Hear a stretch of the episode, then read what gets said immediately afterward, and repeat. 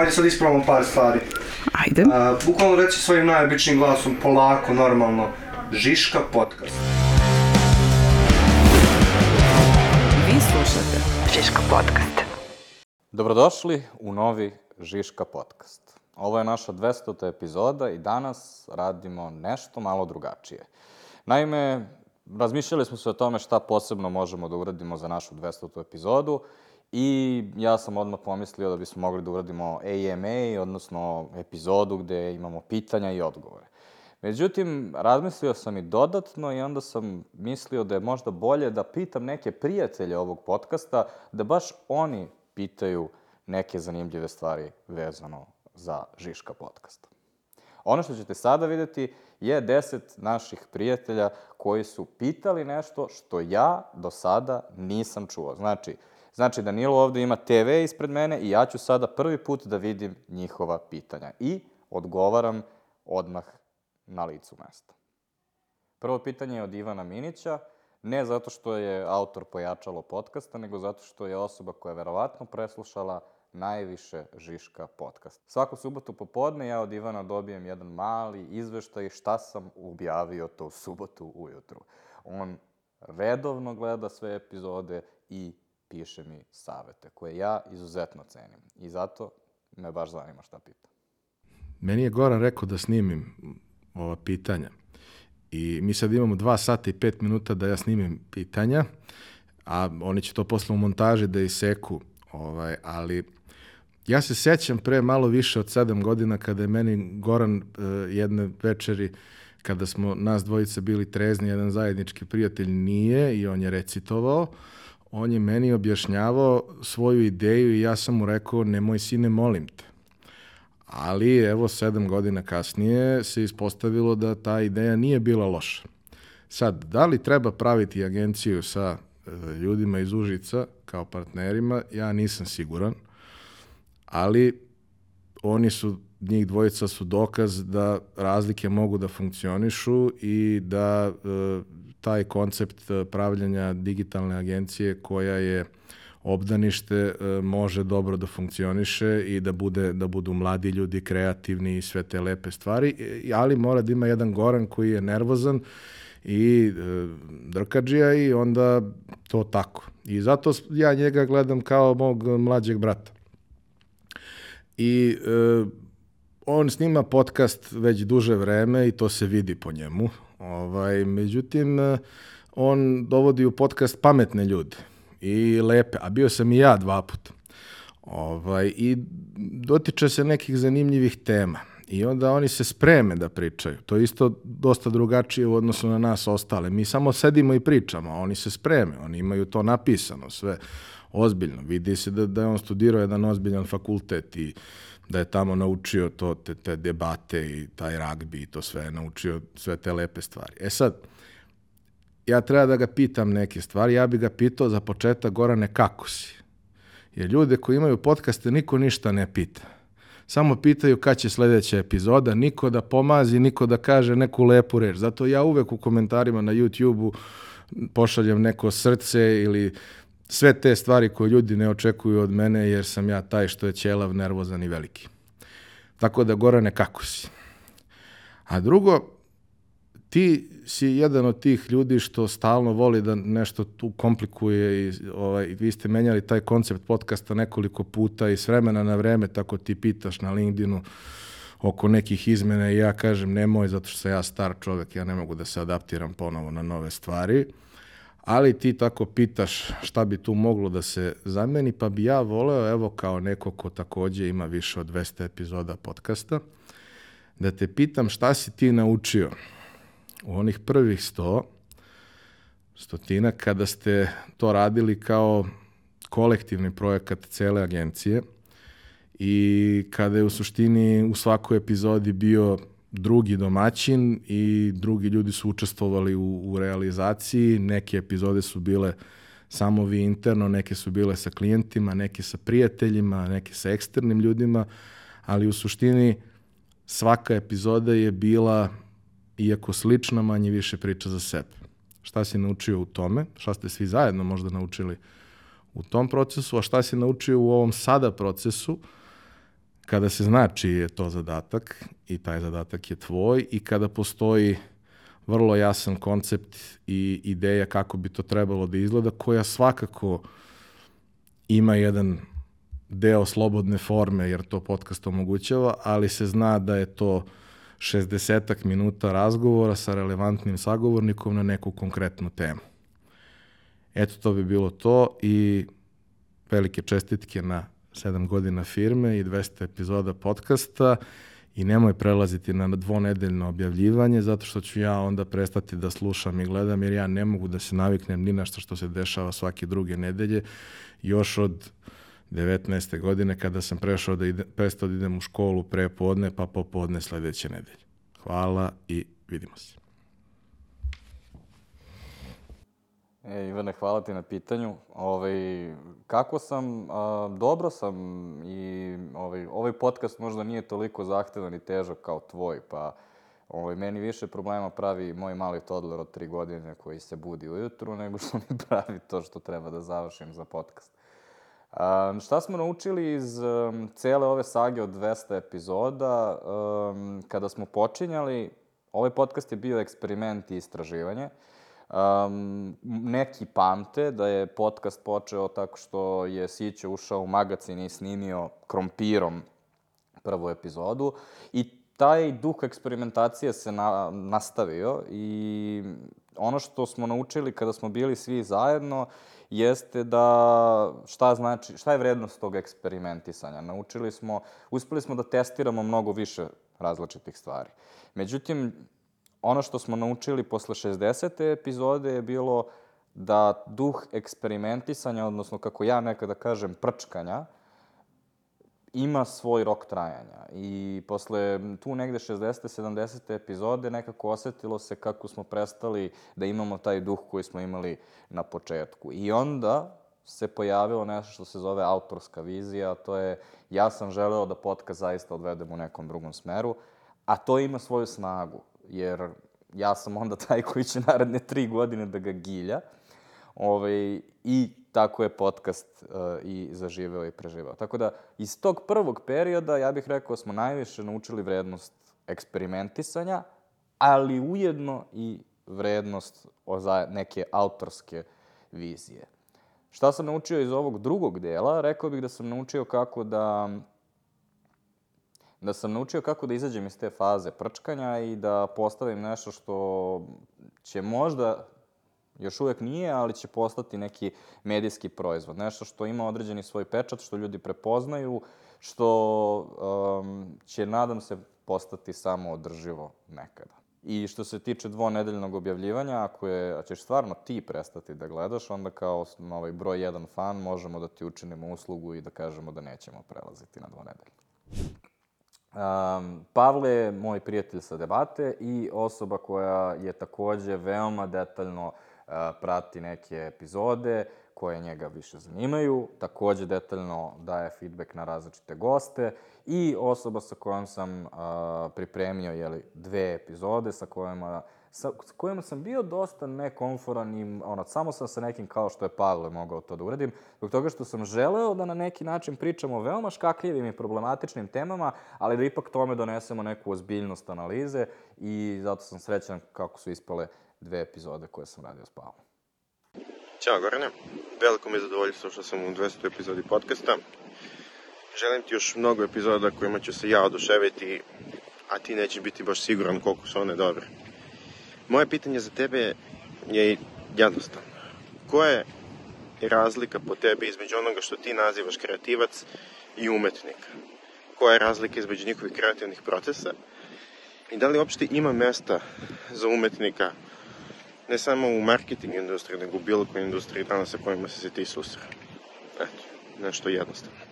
Ćao, čao baš ti je jednostavno pitanje, ovaj, možda samo dva milenijuma ove diskusije filozofske ovaj, može da te pripremi za odgovaranje na njega. E, mislim da postoji veoma jasna linija koja to ovaj, određuje, a to je a, kreativac igra igru koju se svi slažu šta je cilj igre. Znači, ako ja imam podcast, a, ipak znamo da je poenta podcasta da ima puno pregleda. A, da postoji sad neka fusnota i razrada tu, u smislu ja sam namerno doneo odluku da Žiška podcast neće imati najviše moguće pregleda, zbog toga što sam želeo da prioritizujem teme koje nisu toliko popularne, zbog toga što verujem da nisu toliko istražene i da to na kraju stvara veću vrednost. Želeo sam da se zatvorimo u određenu nišu i da u toj niši onda budemo relevantniji. Želeo sam da kada neko pogleda Žiška podcast, da posle toga bude u fazonu, ba, ono, ovo je nešto drugačije i da to bude poruka koja će poneti. I to je ograničilo onda tu popularnost. Međutim, ipak, kad smo počeli, svima je bilo jasno šta je cilj. A ono što je primarni cilj svake umetnosti jeste samo izražavanje. I cilj umetnika je prvenstveno da se izrazi. A posle toga možda će se nešto desiti sa time i možda se neće desiti sa time. Možda um, će neko uh, da stavi nečiju sliku u galeriju i ta slika će dobro da se proda i ta osoba će, taj umetnik ili umetnica će jako dobro da prođe u životu, ali to nije primarni cilj. Na, kako se to odgleda u, u realnosti? Ne postoji stereotip gladnog kreativca. Postoji gladnog umetnika i to je osoba koja izgara za svoju umetnost i sve ulaže u, u to i ne ide joj. Ne ide u kapitalističkom smislu, ovaj, ne, ne, ne uspeva da monetizuje svoj rad. Međutim, ako bi postojao gladni kreativac, gladni copywriter, to je samo loš copywriter. Ako postoji neko ko je uh, gladni podcaster, onda to je samo osoba koja ne uspeva da prizna da taj podcast nije održiv. To je razlika između kreativaca i umetnika. A to onda ima i određene posledice. To da je kreativnost po prirodi subjektivna, dok je, kre, da je umetnost po prirodi subjektivna, dok je kreativnost objektivnija. Pritom, ja volim da govorim na ovako jasan način, da bi bilo jasno šta želim da kažem. Međutim, ono što u stvari bi trebalo da kažem jeste umetnost je subjektivnija u odnosu na kreativnost koja je objektivnija. Jer, kao što smo rekli, i u kreativnosti kreativac može da unese neku svoju notu i postoji mnogo stvari koje ti možeš da uneseš koje nisu obavezno objektivno služe cilju, već je tvoja subjektivna procena da li to služi nekom cilju ili ne. A sa druge strane, moguće je da postaviš i umet, umetnost kao kreativni rad. Neki umetnik ili umetnica može da sebe postavi kao fabriku umetnina. Između ostalog, renesansni slikari su jako često izbacivali slike koje nisu u stvari ni videli, nego su ih samo potpisali. Izbacivali su to njihovi studiji koji su služili da njih načine bogatima ili da načine njihovu umetnost održivom, kako god želite sada da se opravdate. Ali pojenta je u tome da to je sigurno nešto što smatramo umetnošću, ali recimo je bilo veoma organizovano po principu jedne fabrike. Prema tome, ove stvari nisu jasno raz, razgraničene. Umetnost sa jedne strane, kreativnost sa druge strane. Ali to što nisu jasno raz, razgraničene ne znači i to što postoje izuzeci, ne znači da ne možemo da pričamo jasno kao da stavimo te dve stvari ovaj, u poređenje i onda da kažemo jedna je objektivna, druga je subjektivna, a to što postoji gomile sivog između, što postoje izuzeci i tako dalje, to ne menja osnovnu poruku, a to je da je ovo razlika između te dve stvari. I dosta, to je razlog zašto se knjiga toliko odužila i zakomplikovala je, zato što m, konstantno moraš da obrađuješ takve izuzetke i takve a, probleme i da daš praktično i neku strukturu jezika kako može da se priča o ovim stvarima, da ne bi završio kao, na primer, Rick Rubin, koji ima odličnu knjigu The Creative Act, ali ta knjiga ima deset trenutaka kada je kontradiktorna i kontradiktorna je u samoj postavci svojoj, zbog toga što ako u toj knjizi kažeš ništa živo ne možeš da znaš o kreativnom procesu, sve je ultimativno subjektivno, onda postavljaš pitanje a zašto je Rick Rubin uopšte napisao knjigu i čemu služi ta, to njegovo znanje kada na kraju je sve subjektivno. Prema tome, kao u kreativnosti nije baš sve subjektivno. Jedan umetnik može da dokaže svetu da sve što misli o umetnosti nije istina, a kreativac ipak mora da pristane na neka pravila igre. To je neka razlika koju ja vidim.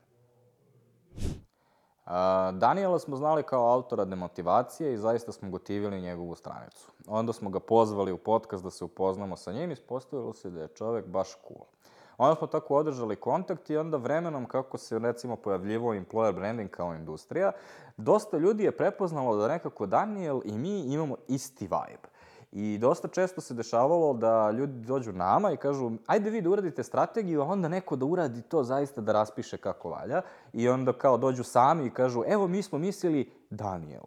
Ili kontra se isto dešavalo, kao, e da, ove, mi bismo želeli nešto kao Daniel, pa smo zato izabrali vas. Tako da postoji neki ono prirodni tok kojim idu ove, naše karijere i onda um, smo prirodno krenuli i da se družimo. I zamalo je Miloš kupio Danielov auto, ali srećom to smo barem izbegli. Verovatno si do sad u advertisingu za sve vreme koliko radiš ovaj posao čuo onu dobru staru da su kreativci propali umetnici. Da nisu uspeli da se ostvare nikako ni u jednom domenu umetnosti, onda su nekako završili u advertisingu. Moje pitanje za tebe jeste, nakon sveg tog vremena, nakon svega što ste vi napravili kao Žiška, nakon svega što si ti lično napravio, da li ti deliš taj stav?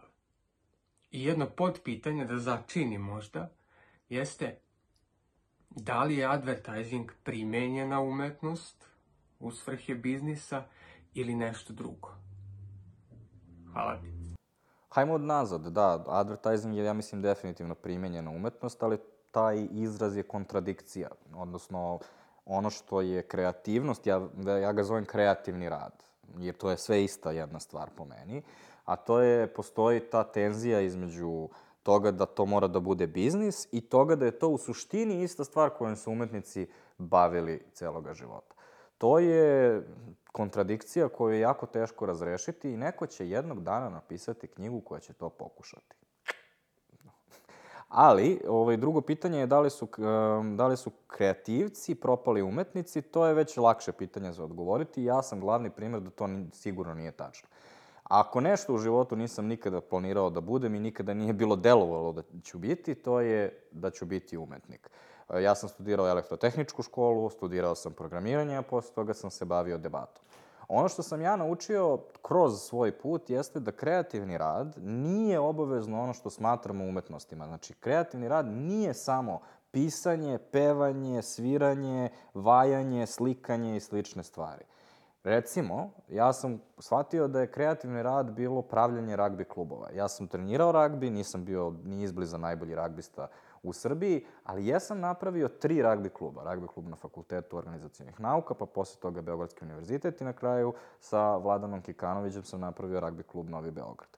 Ja sam to pravio To je bio moj kreativni rad, jer to je ono što je mene interesovalo. Postojali su i koncepti za tih klubova, morao si nekako da animiraš ljude da se time bave i tako dalje. To su takođe kreativni radovi. Žiška kao, post, kao firma je takođe jedan veliki eksperiment u kreativnom radu.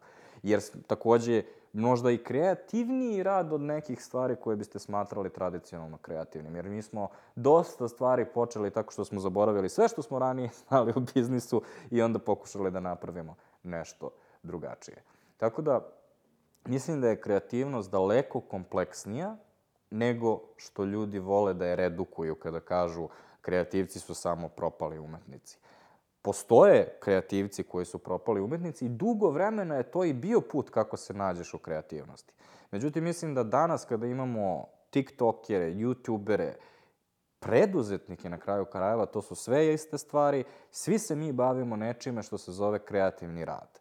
I onda se to dalje grana, svako od nas i u nekoj vrsti industrije, to se razlikuje, ali postoji čitav set stvari koje su jednake, koje važe i za jednog tiktokera i za jednog osnivača startapa. Tako da tu takođe mogu da uđe umetnici. Dosta stvari koje se dešava u kreativnosti ima veze sa umetnošću i kao ljudi su milenijuma, milenijumima pisali o umetnosti i o tome kako neke stvari treba da se rade u umetnosti i mnoge od tih stvari su primenljive na kreativnost, ali mnoge su takođe i dosta pogrešne kada se primene u kreativnosti. Na primer, jedna od stvari koju ti često savjetuju umetnici jeste da je najbitnije da budeš svoj, da imaš svoj glas, da budeš ti, da budeš autentičan. Međutim, kada ti radiš copywriting, ti ne možeš da budeš autentičan, zato što treba da budeš u stvari glas nekog brenda. Znači, tvoj brend treba da bude autentičan. I to je delom istina. Ali onda posle no, daljeg istraživanja onda shvatiš da ipak svako od nas unosi i neki svoj pečat u to i da postoji deo tebe i u svakom kreativnom radu koji napraviš. I to je u stvari ono što kreira sveopštu konfuziju. Obe stvari su istina. Primenjena umetnost. Sa jedne strane, tačno je da ja treba da izvršim biznis zadatak i da napravim ono što je najbolje za brand, ali sa druge strane, to je kreativni rad i nikad neću moći da napravim nešto što je apsolutno objektivno, jer u suprotnom neće imati duše i neće biti zaista kreativni rad. Moram da unesem sebe u to. Moram da primenim svoju umetnost. Kad Uh, Škrba je, ja mislim, rekorderka sa najvećim brojem gostovanja u Žiška podcastu, takođe je moja kuma, takođe je još jedna osoba koja gleda svaku epizodu i detaljno mi daje feedback, takođe je osoba koja uh, pomaže u pripremi ovih podcasta i generalno uh, mo, bila bi moj najveći fan da ja već nisam njen. E pa kao veliki fan Žiška podcasta i kao tvoja kuma sam sebi dala apsolutno za pravo da te pitam cela dva pitanja. Prvo, znam da pišeš knjigu i zato te sad primoravam da mi kažeš makar nešto više o toj knjizi, hoće li to biti još jedna knjiga o marketingu koja treba da se pročita, uh, kada misliš da će da bude spremna za izdavanje, uh, u kom formatu planiraš da je izda, što će biti pisana knjiga, e-knjiga, mislim, ipak je danas sve hashtag digital, zar ne? Drugo pitanje, kada će da ide epizoda o product placementu Aman Čoveče? I da li ja mogu da budem, jel te, glavni odgovorni urednik te epizode. Ćao.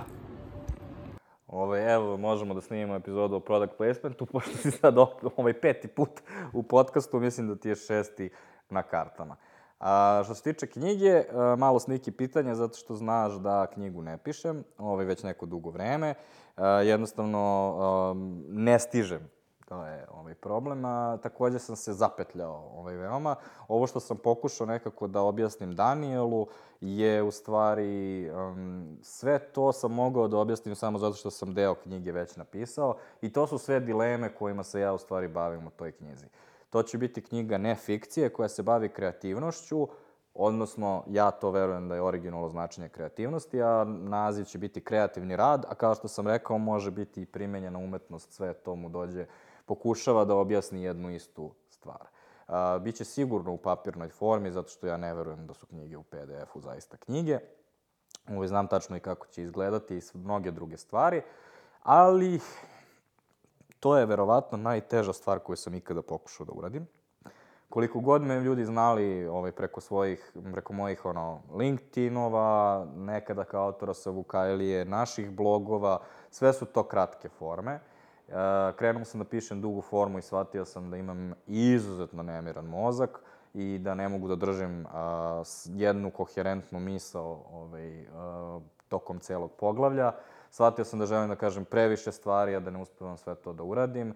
Shvatio sam da je izazov koji sam uzeo, a to je da napravim mehaničko uputstvo za kreativnost, odnosno onaj onaj, um, onaj praktikum koji dobiješ u Ikeji za sklapanje uh, ovaj, stola, da napravim tako nešto za kreativni rad, da je to dosta veliki izazov i da moram dosta pipavo to sve da uradim i posle nekih 250 napisanih strana morao sam nekako da ono, odmorim mozaka i takođe vuklo su me neke druge stvari koje sam krenuo da radim. A, sigurno ću se vratiti tome, a, samo je pitanje kada. Sićo, kao što većina vas zna, je ovaj, započeo ovaj podcast, ovaj, organizovao snimanje prve epizode i prvih nekoliko epizoda bio voditelj i praktično glavna sila koja je pokretala ovaj podcast. Nažalost, trenutno je u Japanu i međutim uspio je da nam pošalje video i želim da čujem šta pita. Moje pitanje je čime bi se bavio da nije marketing, da nema žiške? I još jedno dodatno pitanje, zašto ne bi influencer? Sić uvijek ima ova leksikonska pitanja. Ovaj, da, nije, da nije Žiške, mislim da se stvari ne bi toliko zaista razlikovale, jer ono što sam ja naučio u svojoj karijeri, ja kada sam ja sam slučajno zapao u marketing, ovaj, tačnije u advertising, tačnije, ja sam krenuo u PR agenciji, a u PR agenciju sam upao tako što je to bila jedina agencija koja je htela da odgovori na moj CV jer sam tamo poznavao nekog. I nekako kako sam se tražio kroz uh, svoju karijeru, shvatio sam da mnogo sam ja tu uh, tražio tačno svoju nišu koja meni odgovara unutar nečega. Tako da recimo ja da sam završio, pošto sam završio programiranje, da sam završio u programiranju, sigurno bih recimo otišao negde ka nekoj kreativnoj strani, bavio se verovatno nekom agile metodologijom kao Čedomirović, ili bih e, našao neki način da se izražavam u tome i onda krajeno pravim nešto kreativno što bi verovatno imalo 200 epizoda i tako dalje. Ili bi to bio neki newsletter ili nešto slično. Tako da tu verujem da bi ono, stvari suštinski izgledale dosta slične, iako bi možda formalno bile dosta različite. Da li bih bio influencer? Um, mislim da je to ovaj, dosta kompleksno pitanje i nekako nameće pitanje šta je uopšte influencer danas. Ja mislim da smo prešli definitivno fazu kada influenceri uopšte postoje. Ljudi koji su nekada se zvali influencerima su prešli sada da budu content kreatori. Time žele da signaliziraju razliku da uh, ono što oni u stvari daju brendovima nije taj ni neki uticaj na neku ciljnu grupu, nego je sadržaj koji oni mogu da proizvedu, pa taj zanimljiv sadržaj možda nekoga zainteresuje, a to ako se desi na njihovom kanalu će bolje proći verovatno nego da ga pustite kao oglas. TikTok je tu dosta zakomplikovao stvari, prvenstveno zbog toga što TikTok ne garantuje da ćeš videti video koji objavi neki profil. Znači, ako Sićo koji je influencer, objavi svoj video za klijenta, ali taj video je loš, onda ljudi neće videti bez obzira što je Sićo to objavio. To je veoma velika razlika u odnosu na to kako je Instagram algoritam nekada radio. Vi ste mogli da platite influencerku, da se slika sa vašim proizvodom i koliko god ta slika bila dosadna, mogli ste da budete sigurni da će dobiti barem 50% lajkova koliko će inače dobiti, a to je signaliziralo da je toliko ljudi videlo taj proizvod. Međutim, to danas ne postoji na TikToku i ne postoji na Instagram Reelsu. I to je velika promena koja kaže da sada zaista ti videi koje pravimo, uglavnom, moraju da budu dovoljno interesantni da bi zainteresovali ljude, tako da koliko god da ste veliki influencer, svaki put kada napravite video morate nešto zanimljivo da napravite. U kontekstu toga, pitanje je da li influenceri sa tim imenom i dalje mogu da postoje.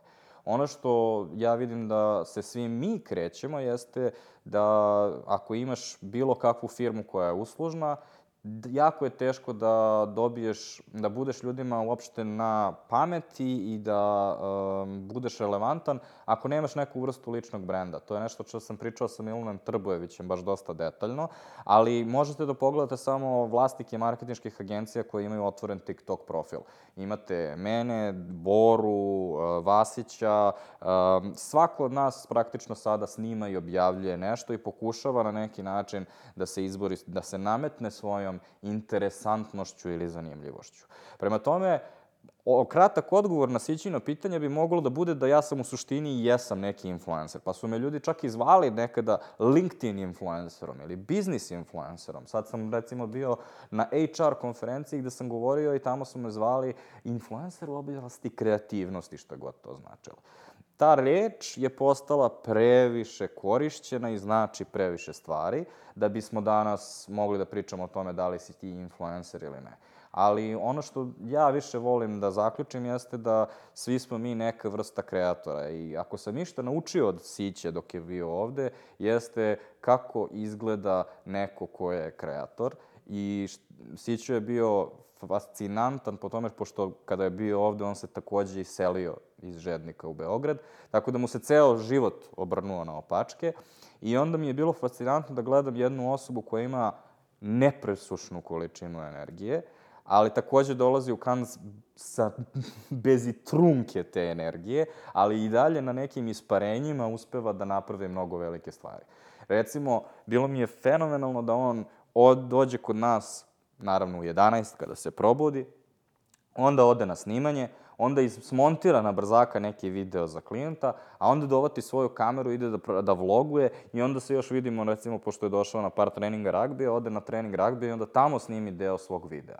I onda dođe kući i onda smontira to što je nap- napravio na ragbiju i onda legne da spava i nastavlja dalje. Kad sam, ono, jednostavno, kad sam video toliku količinu energije, postalo mi je jasno kako možeš da napraviš nešto veliko, kako se kreira nešto veliko, to je uvek mora da može. I zato je dok smo Miloš i ja drndali oko toga da li ćemo početi podcast, kako se počinje podcast, koji je tačno koncept podcasta koji bismo želeli. Mi baš volimo podcaste, ali ne znamo tačno kako da ga realizujemo. Siću je bio u fazonu može, uzeo kameru, otišao u magazin i zakazao snimanje. I to mi je najveća stvar koju sam naučio od njega. A, Katarina Šonjić, odnosno kako je svi u Žiški zovu Kačons, a, je osoba koja je verovatno napravila employer branding kao industriju u Srbiji, evo ja to mogu da kažem ako ona neće, ovaj, kroz Keton Coffee, kroz Ample. Imali smo tu sreću da smo Kaću upoznali dok je radila u Culkiju i bila nam je klijent. Međutim, od tada um, jednostavno dosta stvari radimo zajedno, često delimo i klijente, često se mi pojavimo kao neka agencija koja radi komunikacije, dok Kaća postavlja strategiju i tako dalje. Jednostavno, dobro se kontamo, što će reći. Tako da, kroz ceo taj uspon employer brandinga kao industrije, mi smo zajedno sa Kaćom ovaj, se um, edukovali o tome, naučili o tome i um, ovaj, to nam je otvorilo i u ovom podcastu praktično sve HR teme. Jer recimo, jedna od prvih gošća iz uopšte oblasti HR bilo čega, ne kažem da je employer branding samo HR, već kao malo smo zagazili u te vode, je bilo kroz Kaću i Hanu Ćelap. A onda, kako smo išli dalje, Kaća nam je često preporučivala i teme i goste koje možemo da zovemo i ako, recimo, ove, imamo veoma kvalitetnu diskusiju o mentorstvu sa Katarinom Acević, to nije obavezno direktno Kaćino maslo, ali jeste nešto što je ona omogućila za nas. Zdravo Gorane, čestitam na 200. epizodi i hvala za sve što si uradio za našu malu zajednicu. A, moje pitanje za tebe je a, koje su top 3 lekcije ili aha momenti koje si dobio od tvojih gostiju um, i da sada utiču na to kako radiš ili kako razmišljaš? top 3, obožavam top 3 pitanja, pošto moram da ih smislim on the fly. Ajde, prva stvar koja mi dolazi uh, na pamet, to je ovaj poslednje što se desilo, a to je ovaj, Katarina Acević me zaista naterala da se razmislim da li naš mentorski program u firmi ima smisla ili ne, odnosno da li je to naše očekivanje da od svakoga praktično da bude mentor, odnosno od svakoga koji ole napreduje u hierarhiji da bude mentor, da li je to uh, ok očekivanje ili ne. I uh, rekao sam tada u epizodi da ovaj, ono, nije nešto što mi je konforno da razmišljam da kao ljudi ne mogu da budu mentori i negde sam trenutno zaključio da uh, je u našoj kulturi, a ne u nas ima 30, tako da nismo neka velika korporacija koja mora da u svoju kulturu inkorporira baš sve moguće ove ljude. Verujem da je u našoj kulturi jeste dovoljno, ovaj, dovoljno bitno taj mentorski pristup. Jednostavno, kad pogledaš sve što radimo, naš program prakse, naš program edukacija, mi smo nešto što se zove learning organization i zbog toga mi je okej okay da ipak postoji to eksplicitno očekivanje kod nas. Ali trebalo mi jedno mesec dana razmišljanja da se o tako nečemu odlučim. Druga stvar koja mi sad opet pada na pamet, ali pošto me pitaš, pošto ja ova pitanja vidim sada, onda verovatno vrtim tek skorije lekcije koje sam, koje sam imao.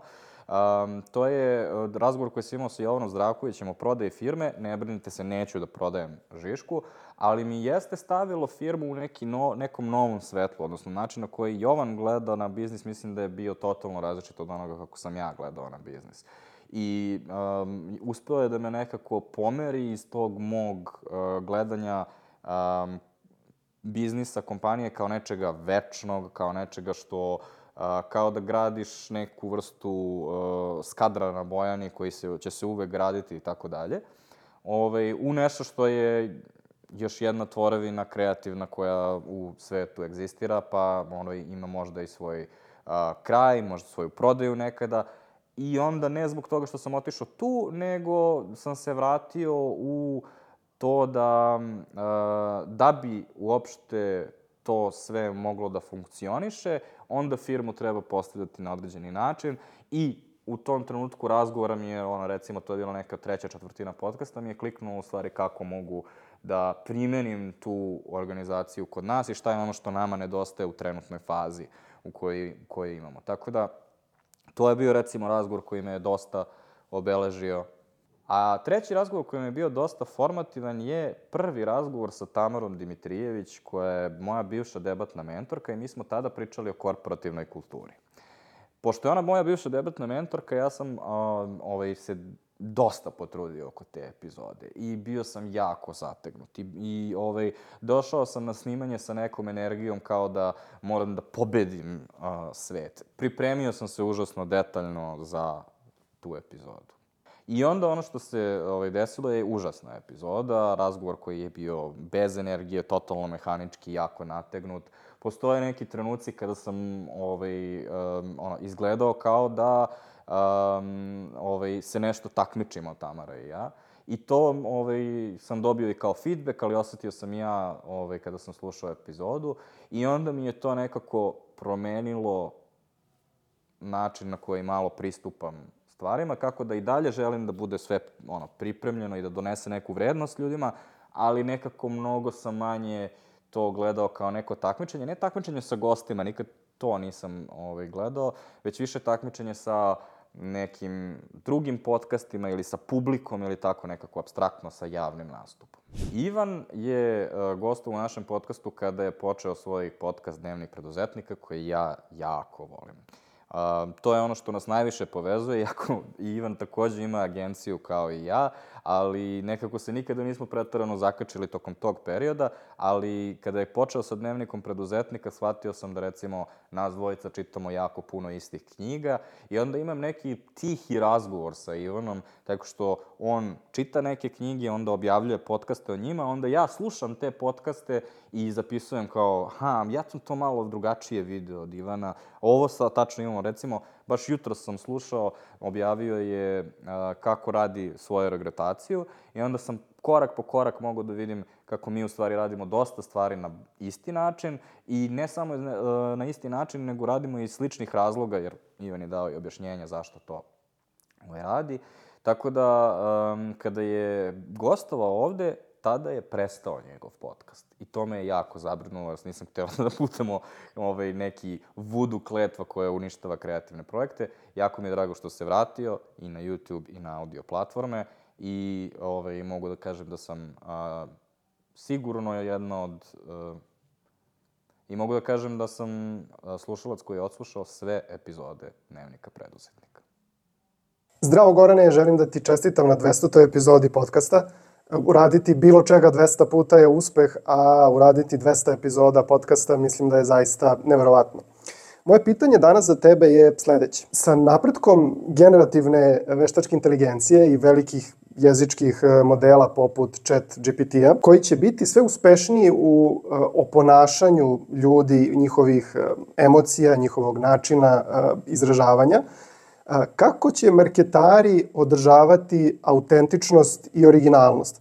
Ako recimo za nekih narednih dve, e, tri godine na nekoj tvoj 300. epizodi ja u nekom ono, chat GPT 5.5 mogu da provučem sve tvoje e, epizode podcasta i da kažem ajde napravi mi set pitanja kao što bi napravio ovaj e, dečko ovde. Ili ako bih nešto možda još luđe uradio, recimo neke tvoje snimljene debate ili neke tvoje prezentacije na, na konferencijama provukao i rekao ajde mi napravi kampanju kao što bi napravio ovaj čovek ovde. Koje je tvoje mišljenje na tu temu? Kako se izboriti sa autentičnošću za nekih 3, 4, 5 godina? Hvala ti i nastavi dalje sa snimanjem. Hvala Ivana, hoću. Ovo je baš onako šlagvort ovaj, za jedan moj rent koji se ovaj, nekako uobličava već neko vreme. A to je, ja mislim da postoje dva puta koje nas čekaju sa ovom količinom podataka koje će i, i sadržaja koji će moći da napravi veštačka inteligencija. Sa jedne strane, um, da, savršeno je moguće da će nas preplaviti količina bullshit kontenta. Jer ono što čemu je veštačka inteligencija dobra jeste uopštavanje. Znači, ako vam je potrebno da napišete govor koji, uh, prigodni govor za zvanice na vašoj o događaju koji ima 300 ljudi, veštačka inteligencija je mnogo bolja od mene da, nego da to uradi. I mnogo ljudi je napravilo čak i kao dosta uspešne karijere tako što je pričalo baš takve fluffy, opšte stvari. A, ja mislim da će takvi ljudi sigurno biti zamenjeni, ali nisam siguran šta se onda dešava. Znači, jedna opcija je da onda počnemo da konzumiramo taj sadržaj te veštačke inteligencije i to je ono što smatram distopijskom varijantom, a to je da će nas zaista preplaviti podcasti, tweetovi, LinkedIn influenceri koji su veštačka inteligencija i tako dalje. Ali ne mislim da će se to desiti, odnosno i dalje sam optimističan da će se desiti u stvari nešto drugo. Kada zagušimo sistem sa tolikom količinom nekih opštih stvari, kao što je recimo kada pitate chat GPT da vam da kako da se napravi marketing strategija, on će vam dati praktično uh, ono što piše u knjizi kako se pravi marketing strategija i onda će reći prvo analiziraj svoje kupce i tako dalje. Međutim, ono što mi donosimo nas to kao agencije ili kao kreatori, nisu te opšte stvari, nego su jedan korak dalje. Ko su tvoji kupci, ali evo ti tumačenje koje ti kaže da su tvoji kupci baš uh, ne ljudi koji su imućni, nego ljudi koji su imućni i takođe misle da, tak, misle da proizvod diktira njihov identitet. Znači, to su uvidi, nešto novo što mi donosimo. Uvid, bilo u marketingu ili u kreatorstvu, je ono što ja ne vidim da može da dođe iz nečega što je mašina za generalizaciju, što je ono što je veštačka inteligencija. I ono što je moja optimistična prognoza jeste da kada nas preplavi ta količina nekog opšteg sadržaja, koji konstantno priča na neki opšti prigodan, bogougodan način, da će onda ljudi početi mnogo više da cene ono što je zaista kreativni izraz. Da ćemo prestati da pričamo u tolikim floskulama, da ćemo manje da koristimo neke opšte fraze, da ćemo manje imati uh, inf, ono, biznis influencera stranih koji nam pričaju o tome da treba da verujemo u sebe i da je sve što je potrebno da imamo pravi mindset da bismo prizvali sebi neke pozitivne vibracije koje će onda da nam znače u poslu ili tako neke stvari koje su smuti, prospi, smuti, prospi. Ono što verujem da se onda dešava jeste da će ljudi početi zaista da cene nekoga ko govori malo, ali govori konkretno i govori nešto što zaista ljude pomera malo napred. Jer sve ostalo će da automatizuju mašine.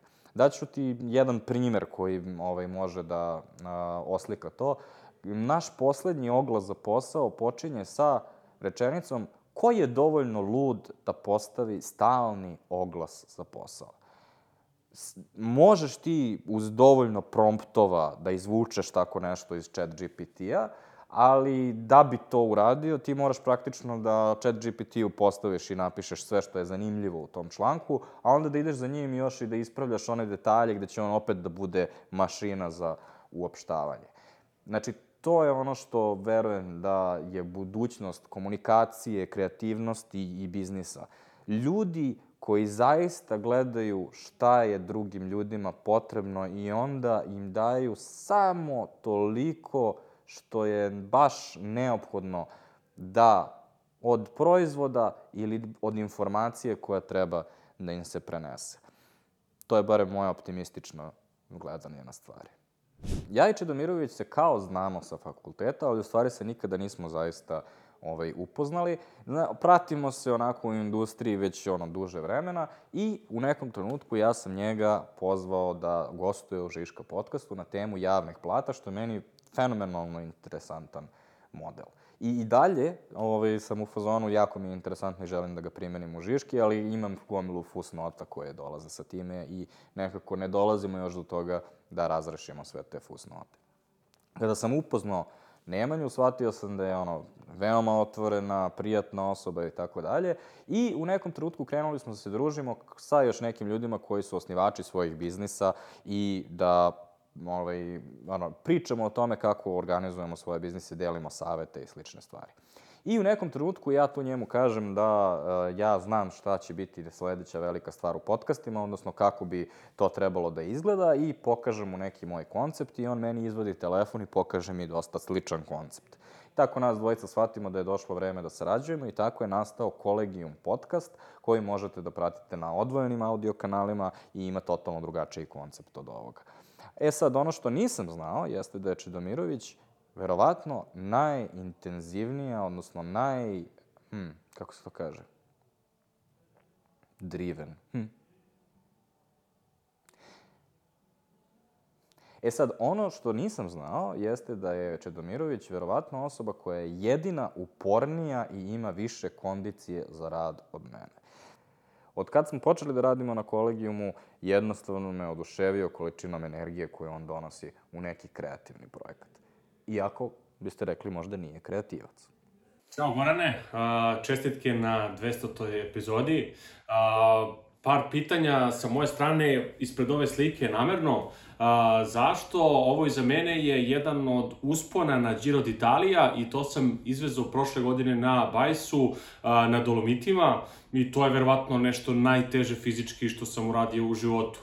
I negde to povezujem sa tvojim podcastom i 200 epizoda. Mogu da zamislim koliko je to fizički teško, naporno i mentalno biti toliko istrajan i aplauz za to, svaka čast. Uh, ali s tim u vezi i pitanje, otkud ti motivacija da, da to radiš toliko dugo? Šta te vozi, šta te motiviše da se baviš time?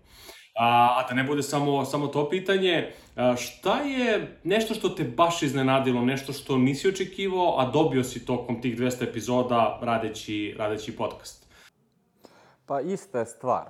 Um, ovaj, ja ono što nisam očekivao, ja sam hteo da napravim podcast, imao sam viziju kako taj podcast izgleda, međutim ono što se desilo jeste da je podcast postao platforma da ja upoznajem ljude. Ovaj, ja sam generalno po prirodi introvertan i ne idem da generalno pijem kafe sa ljudima ili tako nešto, to bi mi bilo onako moja verzija noćne more. Međutim, podcast mi je omogućio da zaista krenem da se upoznajem sa nekim ljudima i zaista, mislim, ljudi su sjajni, ja ih volim u malim dozama. Ovaj, I onda mi je omogućilo da upoznam tebe, kao, zato smo počeli podcast zajedno, upozna, i da upoznam mnoge druge ljude koje inače nikada ne bi upoznao, nikad ne bi odveo na kafu i da mi pružilo mi je neku platformu da mogu da razgovaram sa njima o nečemu što meni je interesantno, jer ono što je moj problem sa kafama jeste što neko časkanje na opštem nivou je meni uglavnom dosadno. Ali ono što ja volim je da zajedno sa nekim uh, drugim istražim dubinski neku temu.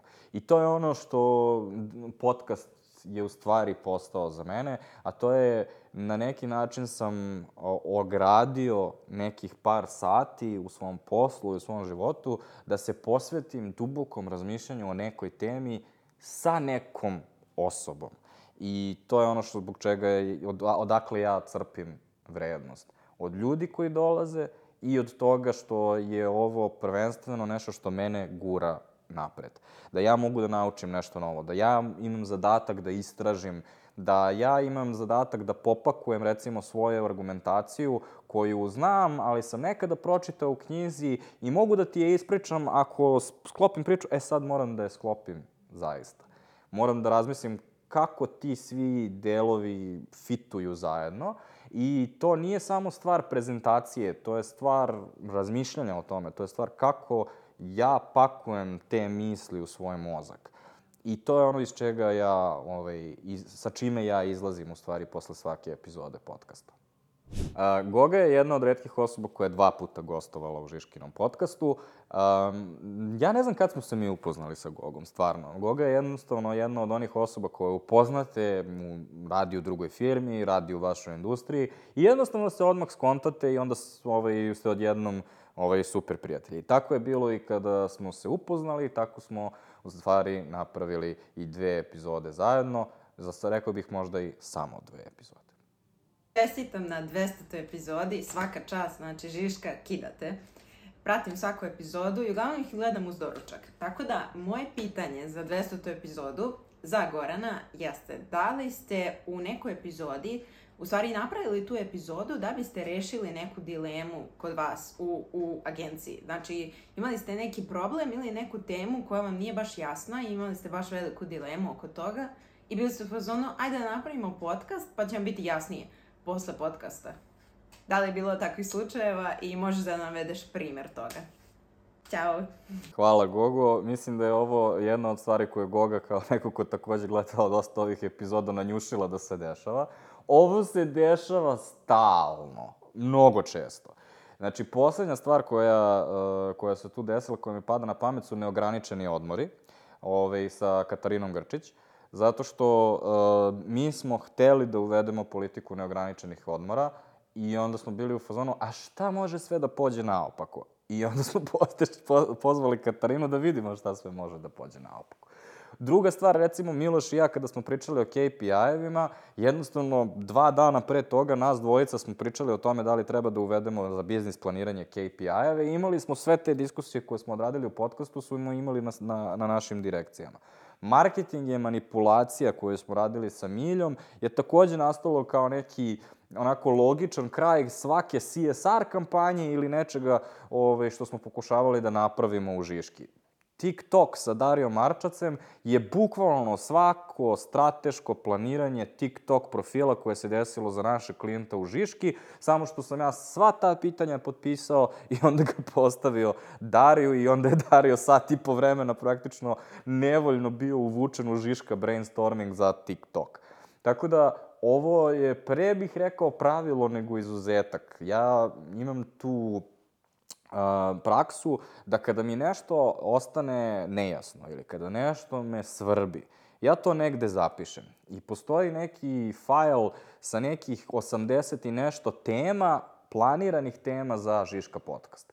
Međutim, to nije samo lista tema, to je takođe lista izvora, to je lista nekih pitanja koje su, nekih primera koji su meni okinule i rekao sam, ovo je interesantno, ovo, ovo me trebalo neko da priča te stvari su ono od čega ja vidim da mi možemo da napravimo vrednost za druge ljude, da ponudimo nešto konkretno, da um, napravimo nešto interesantno. Tako da, ovaj, Goga je provalila šta se dešava i sada svi znate.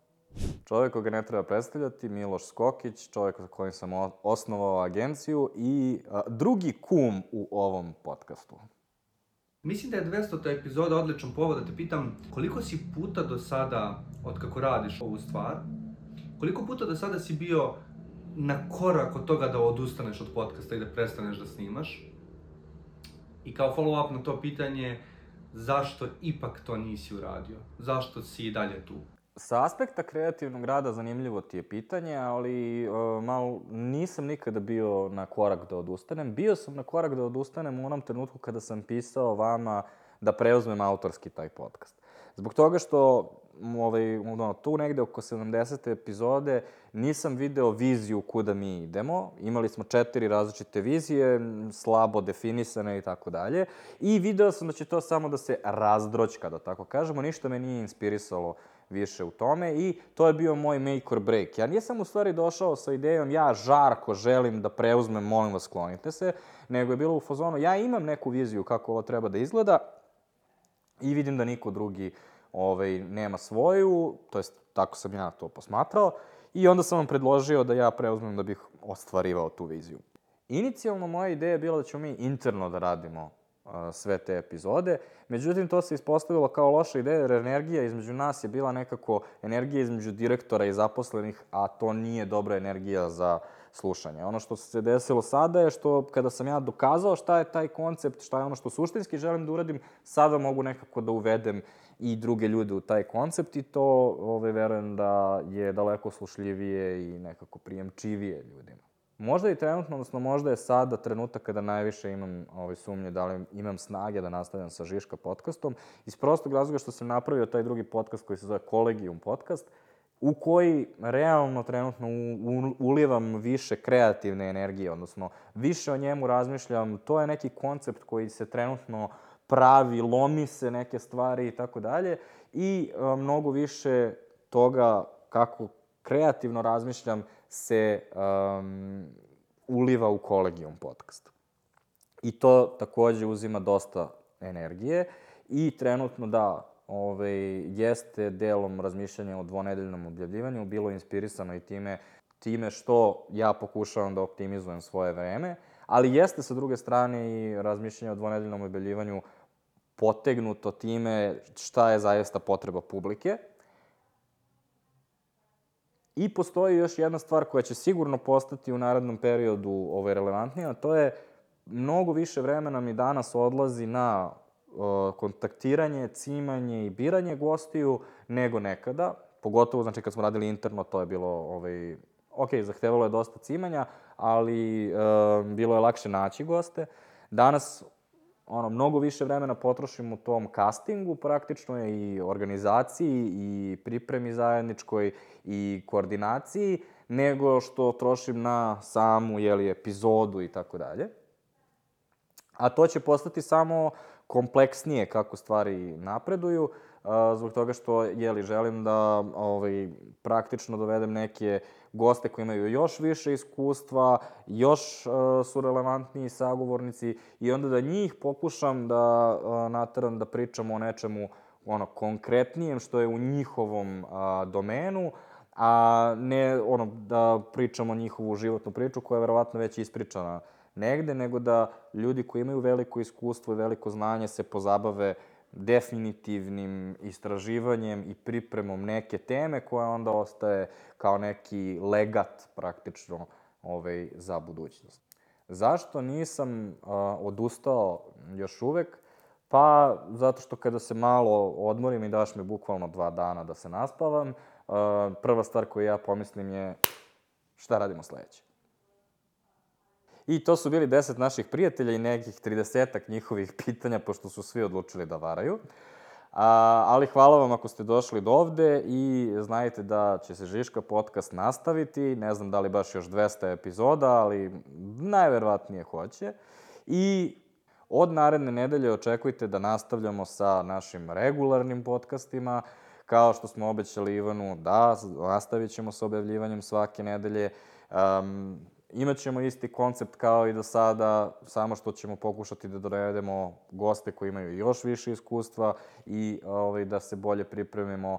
Um, podcast će krenuti na put, uh, planiramo da odradimo neka snimanja u Zagrebu, ovaj, svašta nešto ovaj, novo, a to da ćemo već doći u neku novu godinu, a onda imamo naše novogodišnje specijale kojima se ja već radujem. Um, tako da svašta nešto može da se desi i svašta nešto zanimljivo će vas čekati i u budućnosti vas, a i kao što smo čuli mene. Želim vam do slušanja, pošto podcaste niko ne gleda. Ajde sad ispravamo par stvari. Ajde. Uh, bukvalno reći svojim najobičnijim glasom, polako, normalno. Žiška podcast. Vi slušate Žiško podcast.